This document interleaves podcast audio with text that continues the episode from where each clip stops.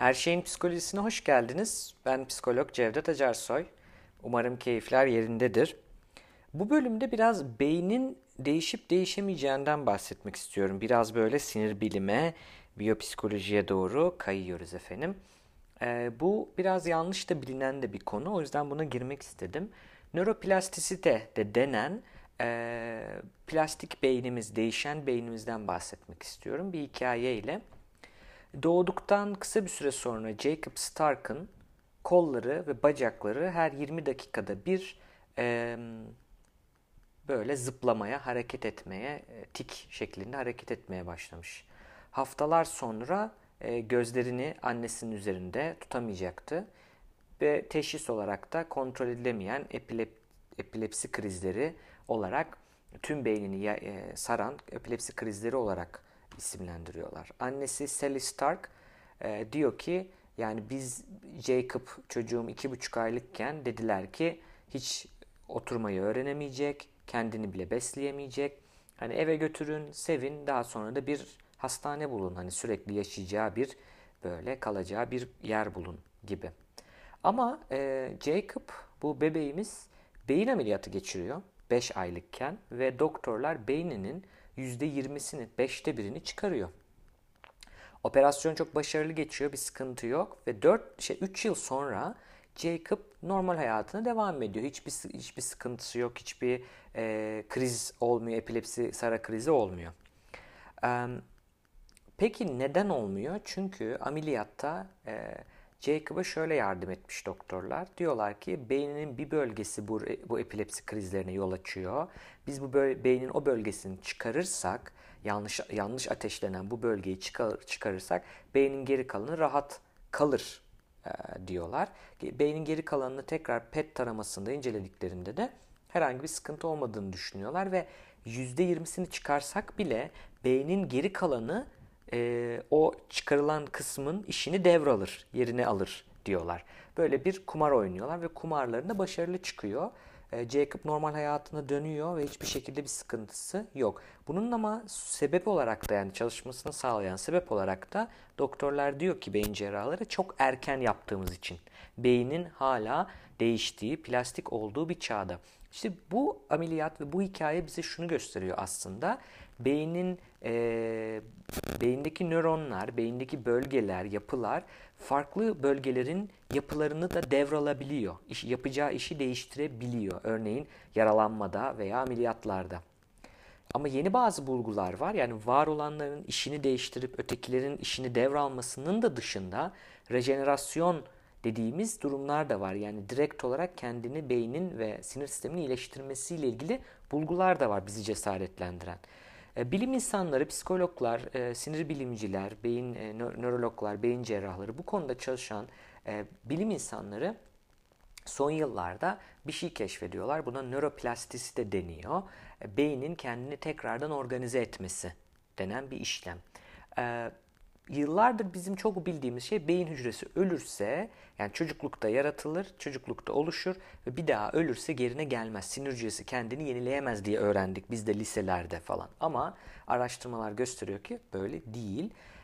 Ee, sadece nöronlar arası, sinirler arasındaki bağlantılar e, e, yenilenmiyor. Aynı zamanda yeni nöronlar da yeni e, sinir hücreleri de oluşuyor vücutta be, beynin e, belli bölgelerinde ve yetişkinlikte de sadece çocuklukta değil buna nörogenez ya da neurogenesis yani sinir hücrelerinin yeniden oluşma, yeni sıfırdan oluşması anlamına geliyor. Bu söyleniyor. Neurogenesis deniyor. Her gün bizim araştırmalara göre her gün e, binlerce yeni nöron oluşuyor. Özellikle beynin öğrenme ve hafıza ile ilgili bölgelerinde yeni nöronlar, nörogenezle yeni nöronlar oluşuyor. Aynı zamanda e, yeni oluşmasında dışında nöronların kendini yenileme kabiliyetleri e, var. Bunlar da aslında bizim gelecekte birçok hastalığa tedavi bulmamızla ilgili de güzel bir kapı açıyor. Güzel bir potansiyeli var bu bulgunun. Mesela örnek verelim yeni nöronların oluşmasını e, tetikleyen ilaçların mesela Alzheimer gibi e, hücrelerin, nöronların en nihayetinde öldüğü e, hastalıklara, nörodejeneratif hastalıklar diyoruz. Bu hastalıklara iyi geleceğiyle ilgili bulgular da var. Böyle e, e, e, çağrışımlar ve tahminler de var. Bunun haricinde bunlara ek olarak aslında neden bahsedebiliriz? Mesela hiç bunları düşünmeyelim, hastalıkları düşünmeyelim. Normal bir insan beyni düşünelim. Örneğin Braille alfabesi öğrenmek istiyorsunuz. Yani görme engellerin de kullandığı, dokunarak noktaları parmak uçlarımıza hissederek okuduğumuz ya da yazdığımız alfabeyi öğrenmek istiyorsunuz, okumak öğrenmek istiyorsunuz. Bizim parmak uçlarımızdaki hisle ilgili yani hissetmekle ilgili görevli bazı nöronlar var beyinde. Bu, be, bu beyinlerin, bu bölgelerin e, geliştiğini gözlemliyorlar. Yani yeni bir şey, o noktayla ilgili yeni bir şey yaptığınızda o bölgelerin büyüdüğünü gözlemliyor araştırmacılar. Aynı şekilde mesela keman öğrenmek istiyorsunuz. Kemanı çalarken parmaklarınızın kemanın e, şeyi üzerinde e, notaları üzerinde, telleri üzerinde gezinen parmaklarınızın ilgili olan beyin bölümlerinin daha büyüdüğü keman çalmayan parmağınıza göre örneğin daha büyüdüğünü e, biliyoruz. Bunu gözlemliyoruz. Çok ilginç bulgular. Yani beynimiz hiçbir zaman sabit değil. İşlevi değişiyor ama yapısı da direkt biyolojisi de değişebiliyor aslında. E, bunu görüyoruz. Tabi Parkinson hastalığı gibi hastalıklarda da bu tarz bulgular bize ümit veriyor. Ee, yine son yıllarda son ondan bahsederek tamamlamak istiyorum bu bölümü. Ee, son yıllarda yine kök hücre tedavilerinin çok öne çıktığını görüyoruz. Ee, ben lisede okurken, ortaokulda lisede okurken kök hücre çok böyle önemliydi. National Geographic'in kapağında falan çıkıyordu. İşte geleceğin teknolojisi diye. Günümüzde kök hücreyle ilgili bir sürü e, şeyler oluştu ama tam istediğimiz yerde değiliz yine. Kök hücreden neyi kastediyoruz?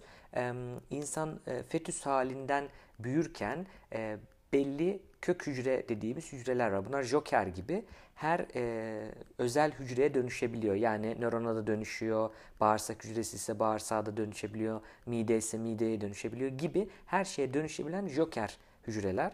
Bu hücreleri mesela Parkinson hastalığından muzdarip olan insanların beyinlerine enjekte ettiklerinde bunların gidip e, Parkinson'da e, sıkıntı yapan, e, Parkinson hastalığında e, azalan, ölen hücrelerin yerine orada nöronların oluşmasına sebep oldu. Dopamin salgılattığı ile ilgili bazı ön bulgular da var kesin olmamakla birlikte. E, bu kök hücre bölündüğü zaman tabii ki ne olması gerekiyorsa ona potansiyel olarak her hücreye dönüşebiliyor. Bunu da biliyoruz.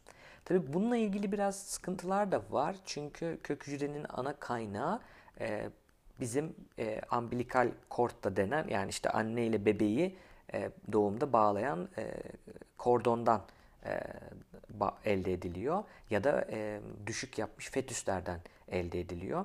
Burada da tabii bununla ilgili sıkıntılar da var. Ama bu bölümde şunu aslında söylemek isterim. Beynimiz sürekli değişiyor ve sabit değil ve bu değişim biz araştırmalarla bireysel olarak da görüyoruz, grup seviyesinde de görüyoruz. E, bu tabii şuraya gelmesin işte hani kuantum felsefe, kuantum bulgularını hemen felsefeye alıp o zaman yaparız gibi de bizde de madem beyin değişiyor ben ne istiyorsam olur yaparım değiştiririm gibi böyle bir altı boş bir yere doğru gitmesin e, isterim. Öyle algılamamak gerekiyor ama şunu da bilmek lazım. Beyin hücreleri e, bir kere çocuklukta üretildikten sonra bir daha kendini yenileyemiyor diye bir şey yok. Bunu öğrenmiş olduk.